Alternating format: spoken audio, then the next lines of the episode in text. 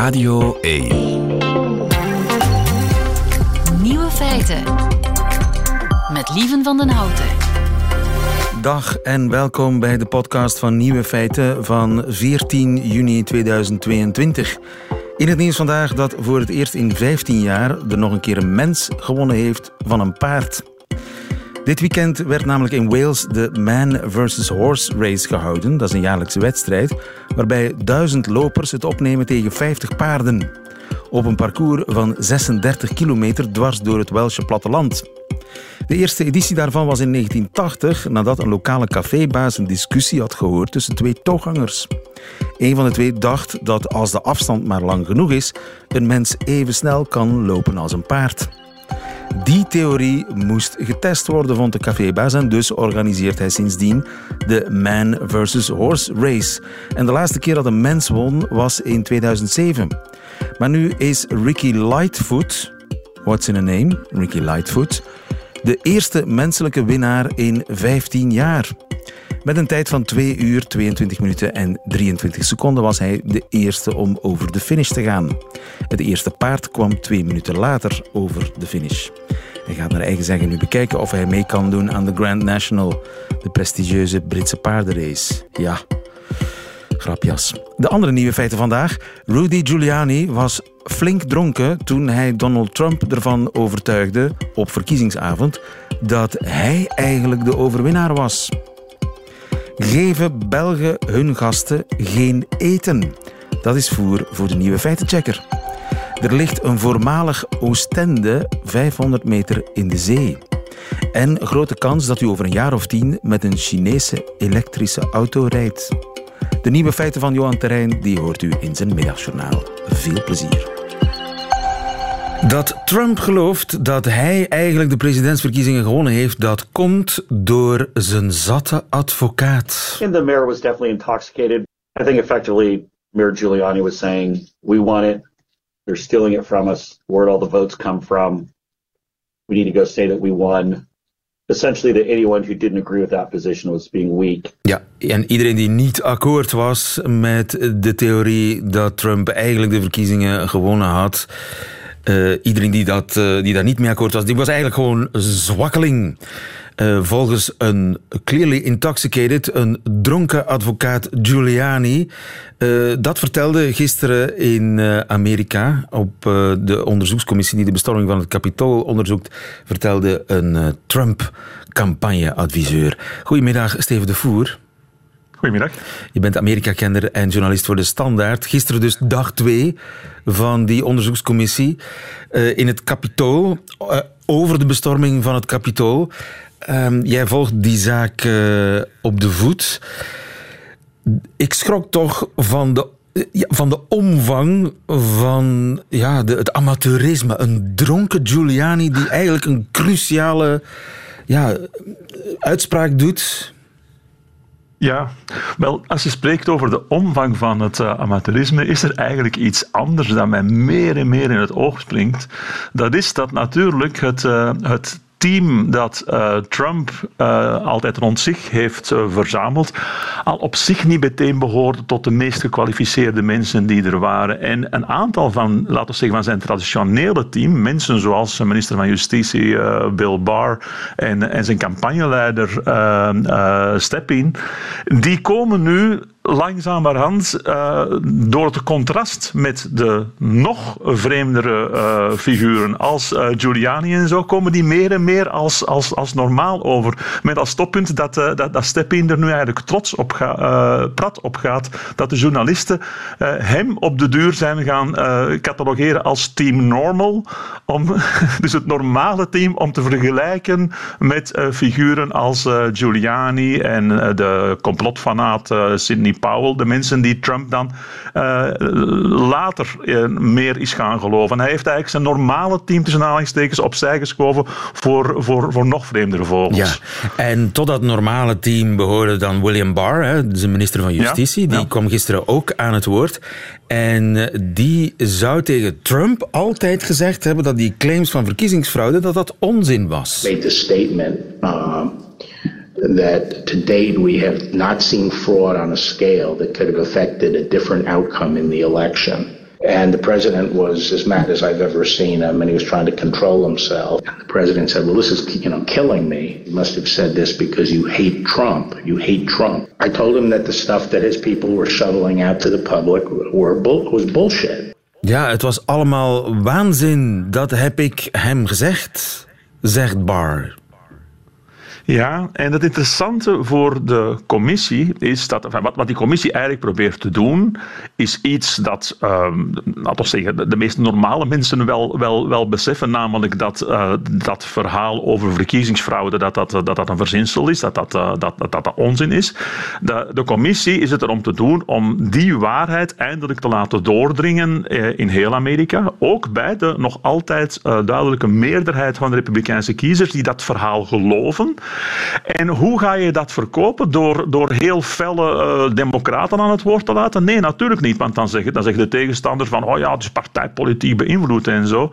Maar, maar Bill Barr, is jarenlang Trump zijn hondstrouwe minister van Justitie geweest. Degene die trouwens eh, bijvoorbeeld destijds toen eh, met het eh, fameuze onderzoek naar beïnvloeding van Rusland van de verkiezingen van 2016, die eigenlijk er persoonlijk is tussengekomen om de al te ernstige conclusies voor Trump tegen te houden. Dus kortom, de, de trouwste soldaat denkbaar. Ja, als je die nu kunt opvoeren als iemand die zegt van ja, maar ik heb het hem keer op keer proberen uit te leggen en hij, hij wil gewoon niet hij is niet meer voor reden vatbaar, dan maakt het natuurlijk wel meer indruk dan, dat je, dan als je uh, een, een, klassieke tegenstander van Trump dat laat zeggen. Ja, want dat is uiteindelijk nog het, het meest stuitende van allemaal, of het meest onbegrijpelijke van allemaal. Ik bedoel, het team rond Trump heeft hoeveel processen gevoerd tegen de eh, verkiezingsuitslag? Uh, 62. En ze hebben er in één over een detail eh, ongeveer gelijk gekregen, maar enfin, dat stelde eigenlijk niet veel voor. En de 61 andere keer zijn ze dus in, de meest streamende bewoordingen terug naar huis gestuurd. Uh, soms letterlijk erbij dat, uh, dat, dat, dat de rechters zeiden van ja, maar dat doe je niet met, met, met zichtbare nonsens uh, bij ons komen aanzetten. Ja. Dus kortom, ja, er maar is dus... geen ernstig uh, geen ernstige reden om uh, ook maar in de verste verte er nog iets van te geloven. Dus die discussie is gesloten. Uh, 66 rechters hebben gesproken. En toch, de helft van de Republikeinse kiezers gelooft dat Trump wel degelijk de verkiezingen heeft gewonnen en dat er sprake is van fraude. Hoe kan dat? Omdat je een gigantische polarisering hebt in heel de VS en, en, en ook in de Amerikaanse media.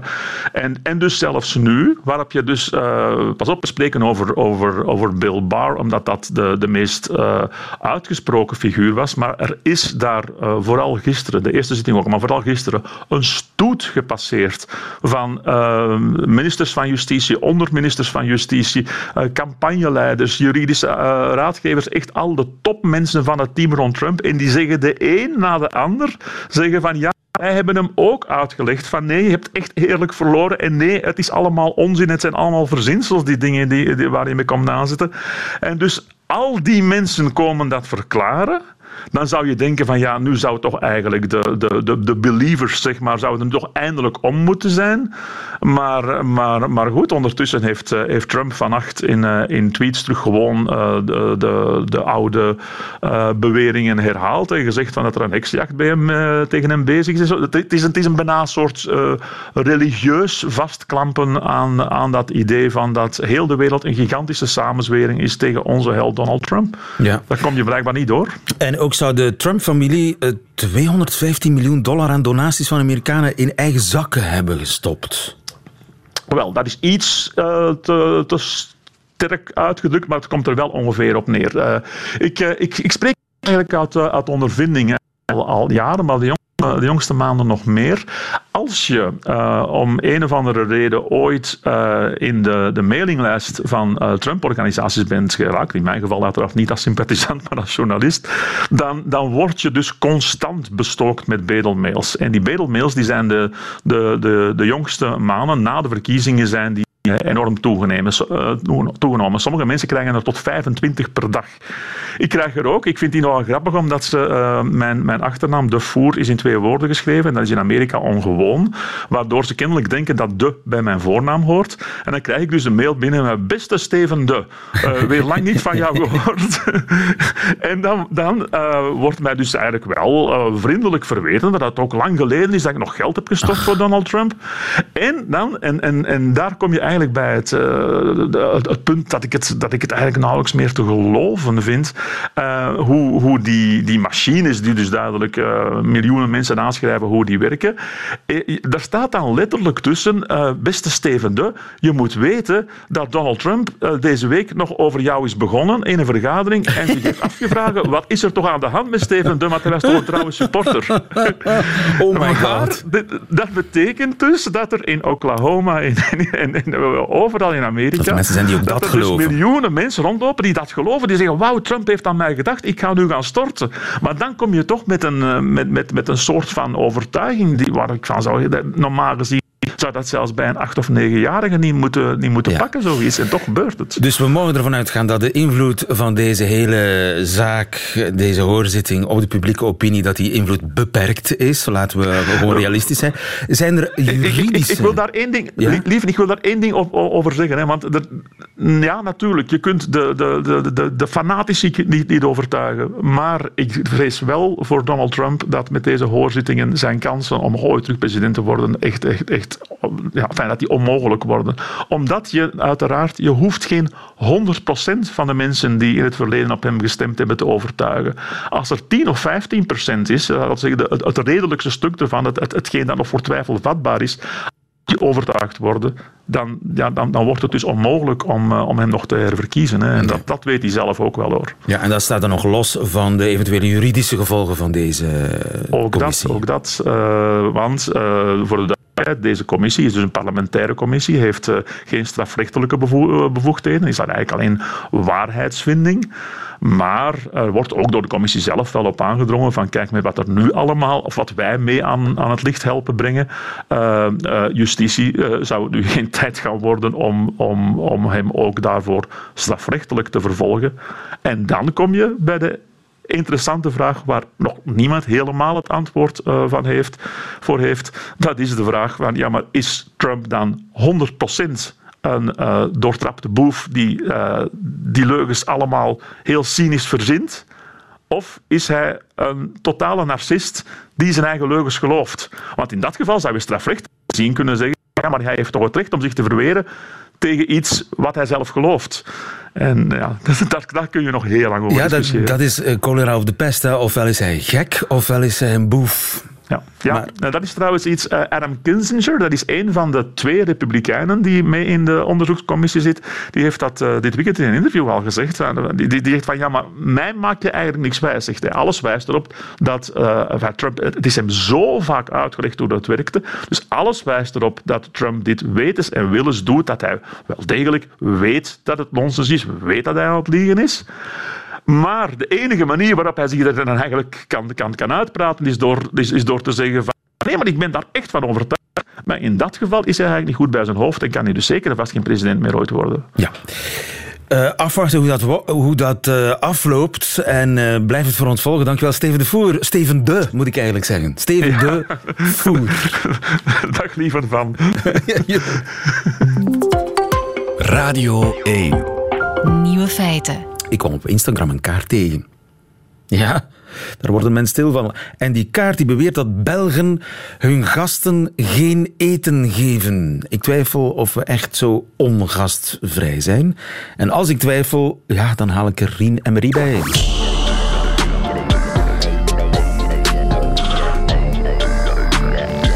De nieuwe feitenchecker. Goedemiddag, Rien Emery. Stond er toch weer een raar kaartje in de krant? Heb je die kaart ook gezien? In de krant stond hij niet, hoop ik. Of op het, in, uh, whatever. Ergens online. op het internet, ja. Op het ik heb ze gezien. Waar? Ja. ja. dat ben ik al vergeten. Ja, maar er stonden wel artikels over, over dat kaartje, ook in de krant. Dat klopt wel. Um, en het is een kaart die vertelt in welke Europese landen je als gast de meeste kans hebt om een maaltijd te krijgen. Ja. Scandinavië, kans nul. Ja, zo gezegd. Nederland, kans bijna nul. Nee. Maar ook België stond bij de... Ja, eerder niet. Eerder niet. Er waren vier kleurcodes op de kaart. Uh, van totaal niet naar eerder niet, naar eerder wel, naar zeker. Ja, overigens stond er ook bij dat de Zweden niet trakteren. Dat doen de Zweden niet. dat klopt eigenlijk wel een beetje. Er, er, zit waarschijnlijk wel een grond van waarheid in, maar het kaartje is, voor alle duidelijkheid, verzonnen. Er waren zelfs lijnen die door landen heen liepen, zo kronkelende lijnen, alsof het echt uh, een bepaalde grens volgde, doorheen Frankrijk, doorheen uh, Spanje ook, doorheen Italië. Het leek allemaal grondig wetenschappelijk ja, grondig geresearched. Maar de kaart die was van een Instagram-account en die heet Lover of Geography iemand die houdt van geografie. Um, maar dat is gewoon een, een, een populair Instagram-account. Dat is een jonge, jonge kerel uh, uit Europa. Uh, die niets anders doet dan zo'n kaartjes online zetten. Dus hij maakt een kaartje over een bepaald onderwerp. En dan zegt hij erbij van, ik heb heel veel research gedaan en dit is het resultaat. Onder andere dus, waar krijg je eten? Maar ook heel veel andere zaken, zoals uh, waar is er een burka-verbod, waar niet?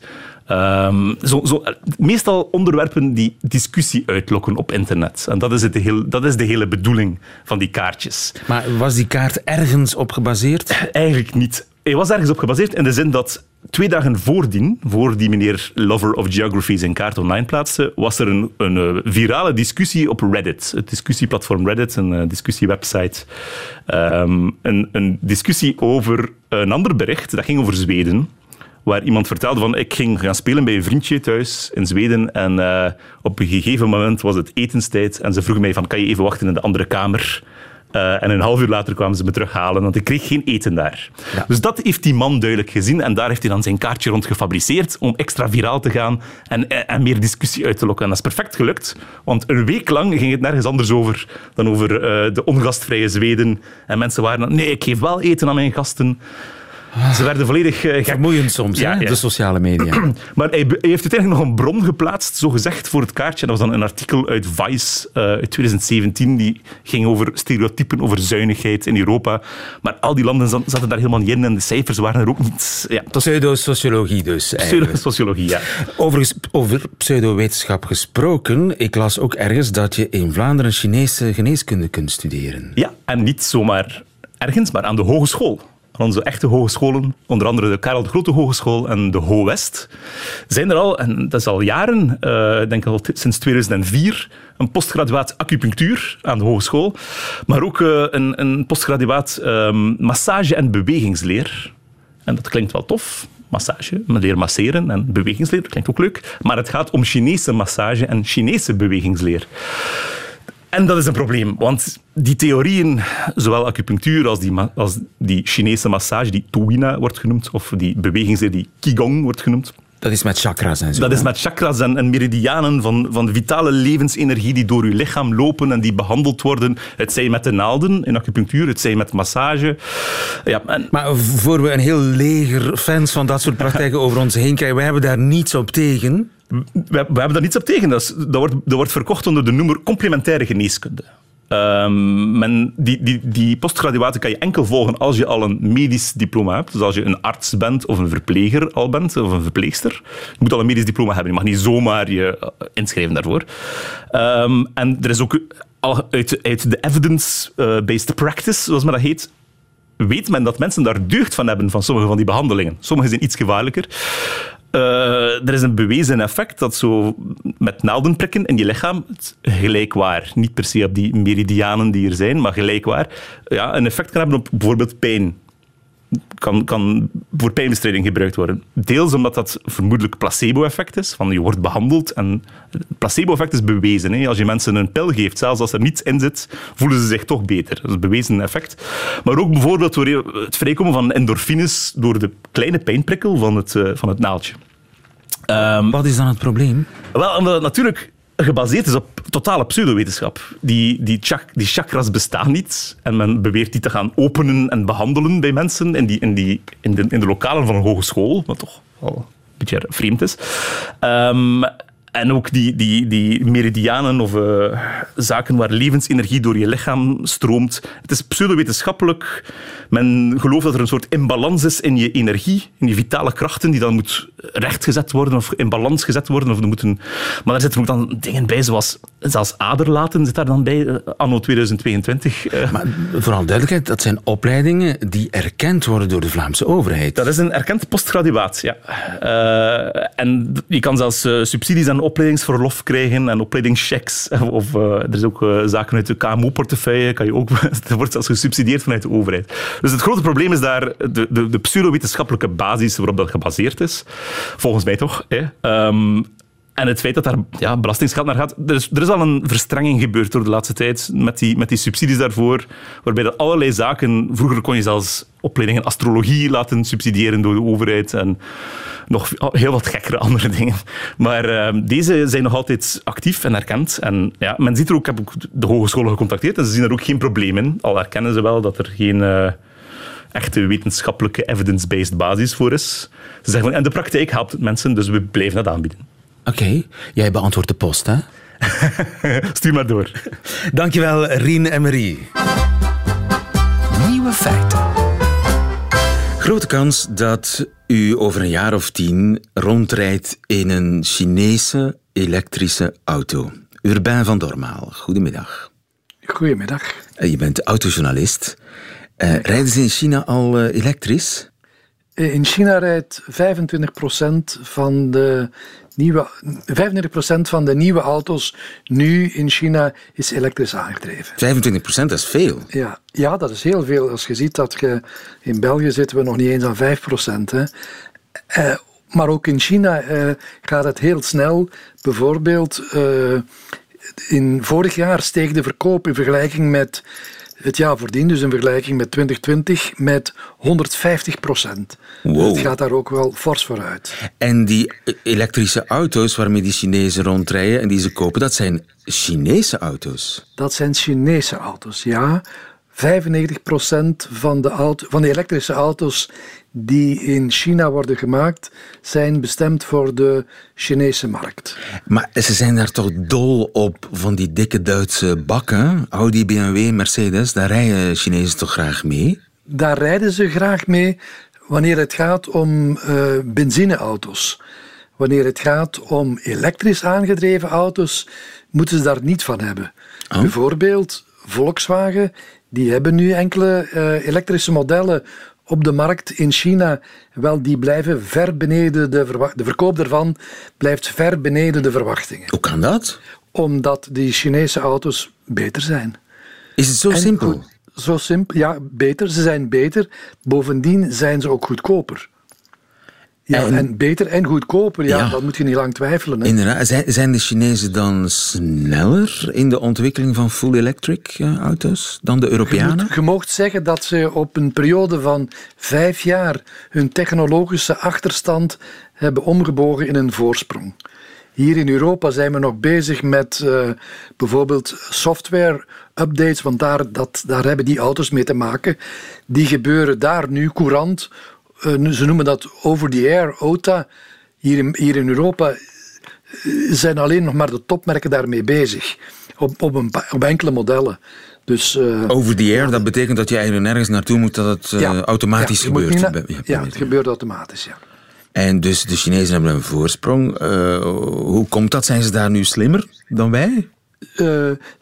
ja, dus ze hebben de know-how en de ervaring die ze niet hadden Voordien die hebben ze gewoon gekocht. Bijvoorbeeld zo hebben ze Volvo gekocht. Uh, hebben ze overal topmensen weggekocht bij, bij Europese merken die bezig waren daar al mee met de ontwikkeling.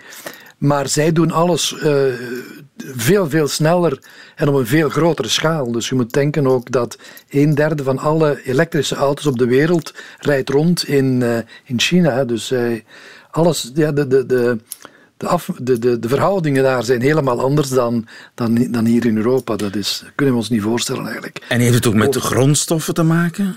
Ja, daar is dus wat we nu zien is dat, uh, uh, dat, dat de Chinezen voor zijn uh, op, op tal van vlakken. Maar wat beangstigend is eigenlijk, dat is dat wij, wij en dan denk ik aan de Europese autoconstructeurs, elke dag meer afhankelijk worden van technologie, van componenten uit uh, China. Ik heb voor u een, een aantal uh, getallen opgezocht. Uh, bijvoorbeeld voor om een batterij te maken heb je zogenaamde zeldzame metalen nodig, kobalt, lithium en koper. Wel nu, 87% van de wereldvoorraad aan zeldzame metalen, aardmetalen, is in handen van Chinezen. Voor kobalt gaat het om 65%, voor lithium om 58% en voor koper om 40%. Ja. Dus wij eten eigenlijk, of de Europese constructeurs zijn aan, aan handen en voeten gebonden aan, aan, de, aan de Chinezen. Hè. Maar wacht eens even. Eh, in een paar woorden schetst u nu eigenlijk een heel donkere toekomst voor diezelfde Europese auto-industrie, diezelfde Duitse dikke bakken. Dat is, dat is ook dramatisch die, die afhankelijkheid. En dat gaat ook dramatische gevolgen hebben voor die, voor die Duitse, uh, of voor de, bij uitbreiding de Europese auto, automerken. Want vroeger was een benzinemotor of een dieselmotor, dat was het hart van een auto. Nu is dat de batterij geworden. En als je die batterij maar alleen maar kunt maken met onderdelen, met componenten die uit China komen, ja, dan moet ik u geen tekening maken. Hè. Dus de Chinezen zullen bepalen hoeveel, wat, hoeveel wij krijgen en wat wij krijgen. Hè. Dus ik heb niet overdreven als ik zeg dat over een jaar of tien we allemaal met Chinese elektrische auto's rondrijden. Uh, ja, ik durf, daar, ik durf dat allemaal. ik heb toch een beetje overdreven. Ja, maar je moet tellen dat, of je moet ermee rekening houden dat de, de elektrische Chinese auto's, of de, de, elektrische auto's die nu in China gemaakt worden, die zijn goedkoper, beter dan de Europese. Dat je moet tellen, dat, is, ja, dat zit hem rond de 7000 à 10.000 euro. Dus als je moet kiezen, ja, dan kies je toch voor en een auto die goedkoper en beter is eigenlijk. Ja. Hè? Maar die zijn voorlopig nog niet te krijgen op de Europese markt. Die zijn er nog niet. 1, eh, 2 procent. Dus wel, het is een beetje koffiedik kijken wat de Chinezen nu gaan doen uh, richting Europese markt. Wat je nu ziet is al dat zij bijvoorbeeld eigen batterijfabrieken bouwen in Europa. Dus ze gaan hun, hun, hun know-how transformeren ze nu naar Europa. Maar zij zijn wel eigenaar van die fabrieken uh, in, in, in Europa. Hè. De kans bestaat ook, denk ik, dat ze misschien ook wel fabrieken gaan bouwen voor hun elektrische auto's hier. Want de transportkost is ook een element in de kostprijs van een auto. Ja. Wat ook nog onzeker is, is, is het, het verkoopsmodel, het businessmodel. Gaan zij online hun auto's verkopen? Of gaan zij een eigen dealernet uitbouwen? Dat zijn nog dingen waar we, niet, waar, waar we hier in Europa nog geen concreet zicht hebben hoe ze dat gaan doen. Ja. Misschien dat ze wel kiezen, ook, ook hier, voor totaal vernieuwend model in de vorm van ofwel leasen, dat je een auto, elektrische auto huurt van hen, ofwel dat je die online koopt. Want je moet weten, een elektrische auto heeft veel minder onderhoud en herstelling nodig Juist. dan een, een, traditionele auto. Ja, en een voorbeeld van zo'n Chinese elektrische auto is natuurlijk de Polestar, hè? die eruit ziet als een Volvo, maar die eigenlijk volledig Chinees dat, is. Dat eigenlijk een Volvo, dat eigenlijk een Volvo is. Uh, maar dat, uh, zoals Volvo eigen, eigendom is van Geely, van Chinese Geely, is dat ook Polestar en is dat ook uh, nu LinkedIn. En daar zie je al, LinkedIn, dat, dat is een, een, uh, een onderdeel van Geely. Dat staat eigenlijk, dat is vergelijkbaar met een Polestar en met een Volvo. Maar daar ziet je al dat ze proberen de mensen een auto te verhuren in plaats van hem een auto te verkopen. Ja. En de Amerikanen, hoe zit het daarmee? Tesla, hebben die ook het nakijken? Uh, Tesla is nog altijd technologisch top. En, en ze zijn ook sterk in, in China, want ze, zijn, ze, verkopen, ze staan op de derde plaats van de tien best verkochte of best verkopende merken. Dus, uh, Tesla, houdt voorlopig stand. Ja, houdt voorlopig stand, ja. Maar ze hebben het nadeel, Tesla, dat hun kwaliteit de productiekwaliteit en zo, die is minder dan die van de Chinese en veel minder dan die van de Europese merken. De strijd is volop bezig. De strijd om wie de elektrische auto van de toekomst gaat bouwen. En de Chinezen zijn die strijd aan het winnen. Dankjewel. Daar moet je zeker van zijn, ja. Urbain van Dormaal, dankjewel. Goedemiddag. Oké. Okay, amai, amai. Amai, amai. Amai, amai.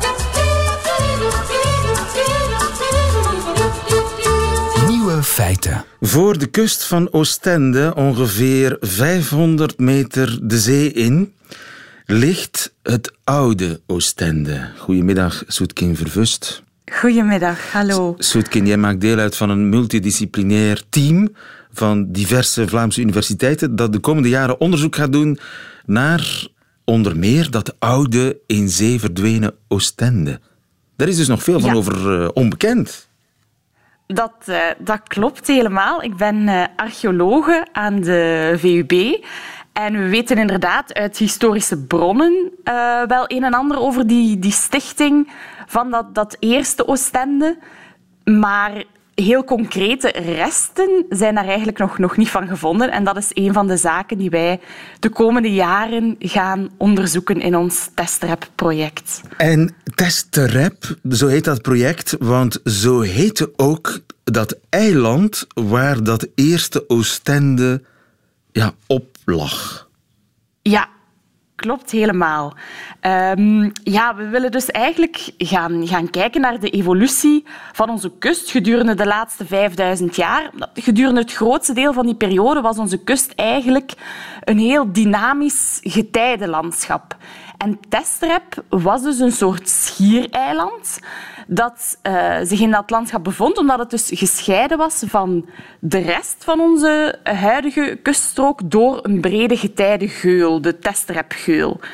En op dat eiland bevonden zich dus inderdaad een aantal nederzettingen, waarvan Westende de nederzetting was aan het westelijke uiteinde van dat eiland en Oostende, of toch het eerste Oostende, de nederzetting aan het oostelijke uiteinde van dat eiland. Ja, ik moet me dat als voorstellen als een soort van waddeneiland. De, de vorm heeft Klopt. van ja. Terschelling of pakweg Schiermonnikoog, zo'n lange worst voor het vasteland.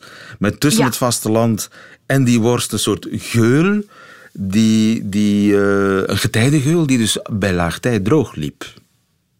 Uh, niet helemaal, want je moet je voorstellen dat het dus wel een heel brede geul was, die dus in het westen aansloot op uh, de ijzergeul, of toch een, een vroegere um, ligging van die ijzergeul.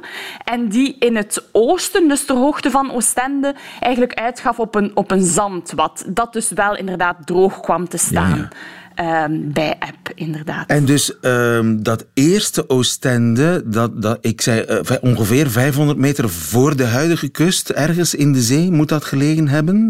Wel, eigenlijk weten we het dus ook niet heel goed, omdat we natuurlijk geen kaarten hebben van hoe dat, dat vroegste Oostende eruit zag, hoe groot het was. De eerste echte um, duidelijke weergave op kaart, een aanknopingspunt dat we nog hebben, is een kaart uit de 16e eeuw van Van Deventer, waar dat er nog een heel kleine restant van dat eerste Oostende op te zien is. Um, en dat bevindt zich dus echt eigenlijk vlak, vlak voor de kust van het huidige Oostende. Juist. En wanneer zijn daar mensen gaan wonen? Oh, waarschijnlijk waren er in, in die zone dus wel al vroeger um, heel kleinschalige nederzettingen. Maar eigenlijk is het in 1266 dat men beslist om daar echt een stad te stichten. En dat is dan de gravin van Vlaanderen die stadsrechten toekent en die haar landmeters naar daar stuurt om daar een zeer planmatige stad uh, in, in te richten. En dat waren, neem ik aan, vissers die daar woonden? Of wat deden die het mensen was inderdaad de bedoeling om daar uh, ja, handel te drijven hè, en daar inderdaad ook, ook te vissen. Um, ook de handel in, in zout van daaraan verder te gaan beheersen, uh, was de bedoeling van, van de graven van Vlaanderen in die periode. En daarom um, dat ze erin geïnteresseerd waren om daar op strategische locaties een aantal uh, nederzettingen langs die kustlijn in te richten. En is dat eiland dan op een gegeven moment overspoeld? Of, of zijn die eerste Oostendenaars dan op tijd nog landinwaarts verhuisd? Hoe moet ik me dat voorstellen? Um, wat dat we weten dus uit de historische bronnen is dus rond 1266 die, die stichting van Oostende. En ze krijgen dus eigenlijk al heel snel te maken met uh, problemen met, met zeer zware kusterosie. We weten dat al in 1335 dat ze hun kerk gaan verplaatsen naar een zuidelijkere locatie. En dan Zuidelijker meer landinwaarts dus. Meer landinwaarts, ja. inderdaad. Ja, verder landinwaarts. En dan weten we dat zeker in 1394 er een zware storm uh, plaatsvindt, de zogenaamde Sint-Vincentius-storm. En uit de bronnen blijkt dan, men spreekt niet echt van, van dodelijke slachtoffers, maar men spreekt wel van zeer zware materiële schade. En dat het dus noodzakelijk wordt om die stad eigenlijk grotendeels te gaan verplaatsen en opnieuw verder landinwaarts, ten zuiden van die voormalige getijdengeul, op, op voormalige landbouwgrond eigenlijk te gaan herbouwen. Ah, ja. Hetzelfde gebeurt eigenlijk ook met, met Westende en met Middelkerken. Al die nederzettingen die zich op een gegeven moment daar aan uh, die kustlijn bevonden, krijgen te maken met, met zware kusterosie en gaan zich verder ja. landinwaarts verplaatsen. Ja, en alleen de namen zijn nog over. We hebben nog geen daadwerkelijke sporen teruggevonden daarvan, van die eerste nederzettingen in de zee, Wel, we, waar, waar nu de zee dus, loopt. Ja, we werken dus samen ook in ons consortium met um, onderzoekers van het VLIS, het Vlaams Instituut voor de Zee. En zij voeren eigenlijk onderzoek uit, dus echt op zee. Ze gebruiken allerlei um, prospectietechnieken met behulp van geluidsgolven en met magnetische signalen kunnen ze eigenlijk op zoek gaan naar uh, restanten van oude landschappelijke elementen, getijdengeulen, maar ook uh, menselijke structuren die nog bewaard zijn in die zeebodem. En zij hebben ook ter hoogte van Oostende um, in 2016 geloof ik al een eerste heel kleinschalige um, survey gedaan. En de bedoeling is nu onder andere in dit project om dat ook verder te gaan uitbreiden en, en die zone nog meer in detail te gaan ja. uh, bestuderen. Maar uh, ga je dan echt opgravingen doen op de zeebodem? Opgravingen kunnen we natuurlijk niet doen, maar het is wel de bedoeling om dan ook um, boringen uit te voeren en dus uh, wel sedimentmonsters naar, naar boven te halen en die dan verder te gaan, te gaan onderzoeken um, op restanten, ook om die surveys juist te kunnen gaan interpreteren. Dus wat je daarop ziet zijn bepaalde structuren die nog aanwezig zijn uh, onder de zeebodem. En ook. Um, en kunnen dat, die structuren kunnen, kunnen dat dan bijvoorbeeld ja, straten zijn, huizen, uh, weet ik veel? Restanten van, van huizen, inderdaad, van havenstructuren die zijn aangelegd. Maar ook waar dat we hier dus in dit project in geïnteresseerd zijn, want we focussen dus niet enkel op Oostende. Uh, maar Oostende is natuurlijk een heel mooi verhaal om ons uh, grotere onderzoeksplaatje aan, aan vast te hangen. Uh, we kijken ook waar dus vroeger die, die getijdengeul zich bevond, hoe die geëvolueerd is doorheen de tijd en dan vooral ook welke impact dat de mens daarop heeft gehad in het verleden. Dus hoe dat de mens die geulen ook is, is gaan bedijken, is gaan afdammen en welke impact dat dat allemaal heeft gehad op de vorm die onze kustlijn vandaag de dag ook nog heeft. Ja, want zo'n kustlijn dat is uh, iets wat aan uh, veranderingen onderhevig is. En dat blijkt uit de geschiedenis ervan. Soetkin Vervust, mag ik je heel veel succes wensen met je onderzoek. Ja, dankjewel. Mag ik misschien juist nog zeggen dat mensen die dus geïnteresseerd zijn, altijd ook een kijkje kunnen nemen op onze website. Maar natuurlijk, Soetkin. project.be en daar kunnen jullie al onze wetenschappelijke avonturen van dichtbij volgen de komende vier jaar. Testrep-streepje... Project.be. Project.be. Soetkin Vervust. We hebben dat begrepen en genoteerd. Tot de volgende. Fijne dag nog. Dankjewel. Dag. En dat waren ze, de nieuwe feiten van vandaag, 14 juni 2022. Alleen nog die van Johan Terrein, die hoort u nu in zijn middagjournaal. Nieuwe feiten. Middagjournaal. Beste luisteraar. Het is u niet ontgaan wellicht dat de Australische wereldster Nick Cave onlangs een Berghemse frituur heeft veroverd. De Dirk de Wachter van Down Under, zoals hij ook wel eens genoemd wordt, eiste daarbij twee champignon-kroketten op. De frituurist kondigde al aan deze week extra champignon-kroketten te zullen maken, wat bewijst hoe snel de omvolking van de kroketpopulatie kan geschieden. Als het aan dit tempo doorgaat, zit volgende maand heel Berchem aan de champignon-kroket. Dat is niet mijn mening, maar dat mag toch nog benoemd worden. Kunnen we ons ooit nog in België voelen, in Berghemse frituren? Is de vraag die zich nu stelt en die ik graag voorleg aan onze gast. Tussen haakjes nog niet toegezegd. Wat u misschien niet zal verbazen, is dat ik momenteel dit introductietekstje aflees van een A4'tje dat uit het redactielokaal van de zevende dag werd gesmokkeld en dat geheel toevallig in mijn handen terechtkwam. Het betreft de voorbereidingen van de heer Lieven V. voor de volgende uitzending, waarin een item zal zitten over het festivalseizoen dat zich deze week ook in België op gang trekt na twee jaar oponthoud met Graspop en Werchter Boutique. Ik heb lang getwijfeld, maar ik dacht ik lees het u toch voor, zodat u voorbereid bent op de storm die hierop zal volgen, ter meerdere eer en promotie van de festivalsector dit keer, die toch behoorlijk geleden heeft onder twee stille zomers. Die hebben het al moeilijk genoeg, moet Lieven V gedacht hebben. Laat mij hen maar wat helpen met wat extreemrechts gewauwel. Dat genereert altijd aandacht. Oh, en nu ontdek ik hier aan de achterkant ook nog een tekstje. Uh, helemaal mijn draad kwijt. Heb me daar totaal knullig trachten uit te wrikken in ongepaste bewoordingen. Geen idee dat die champignon croquet huisgemaakt was. Ah voilà, dat zijn de verontschuldigingen. Die staan al klaar voor de volgende dag. Send tweet. Het grommeltje in de buik van Nick Cave op het concert de dag nadien in Nederland, daar had evenwel niemand het over. Dat bleef een goed bewaard geheim. Of zoals ze daar op het festivaldomein zeggen, a best kept secret.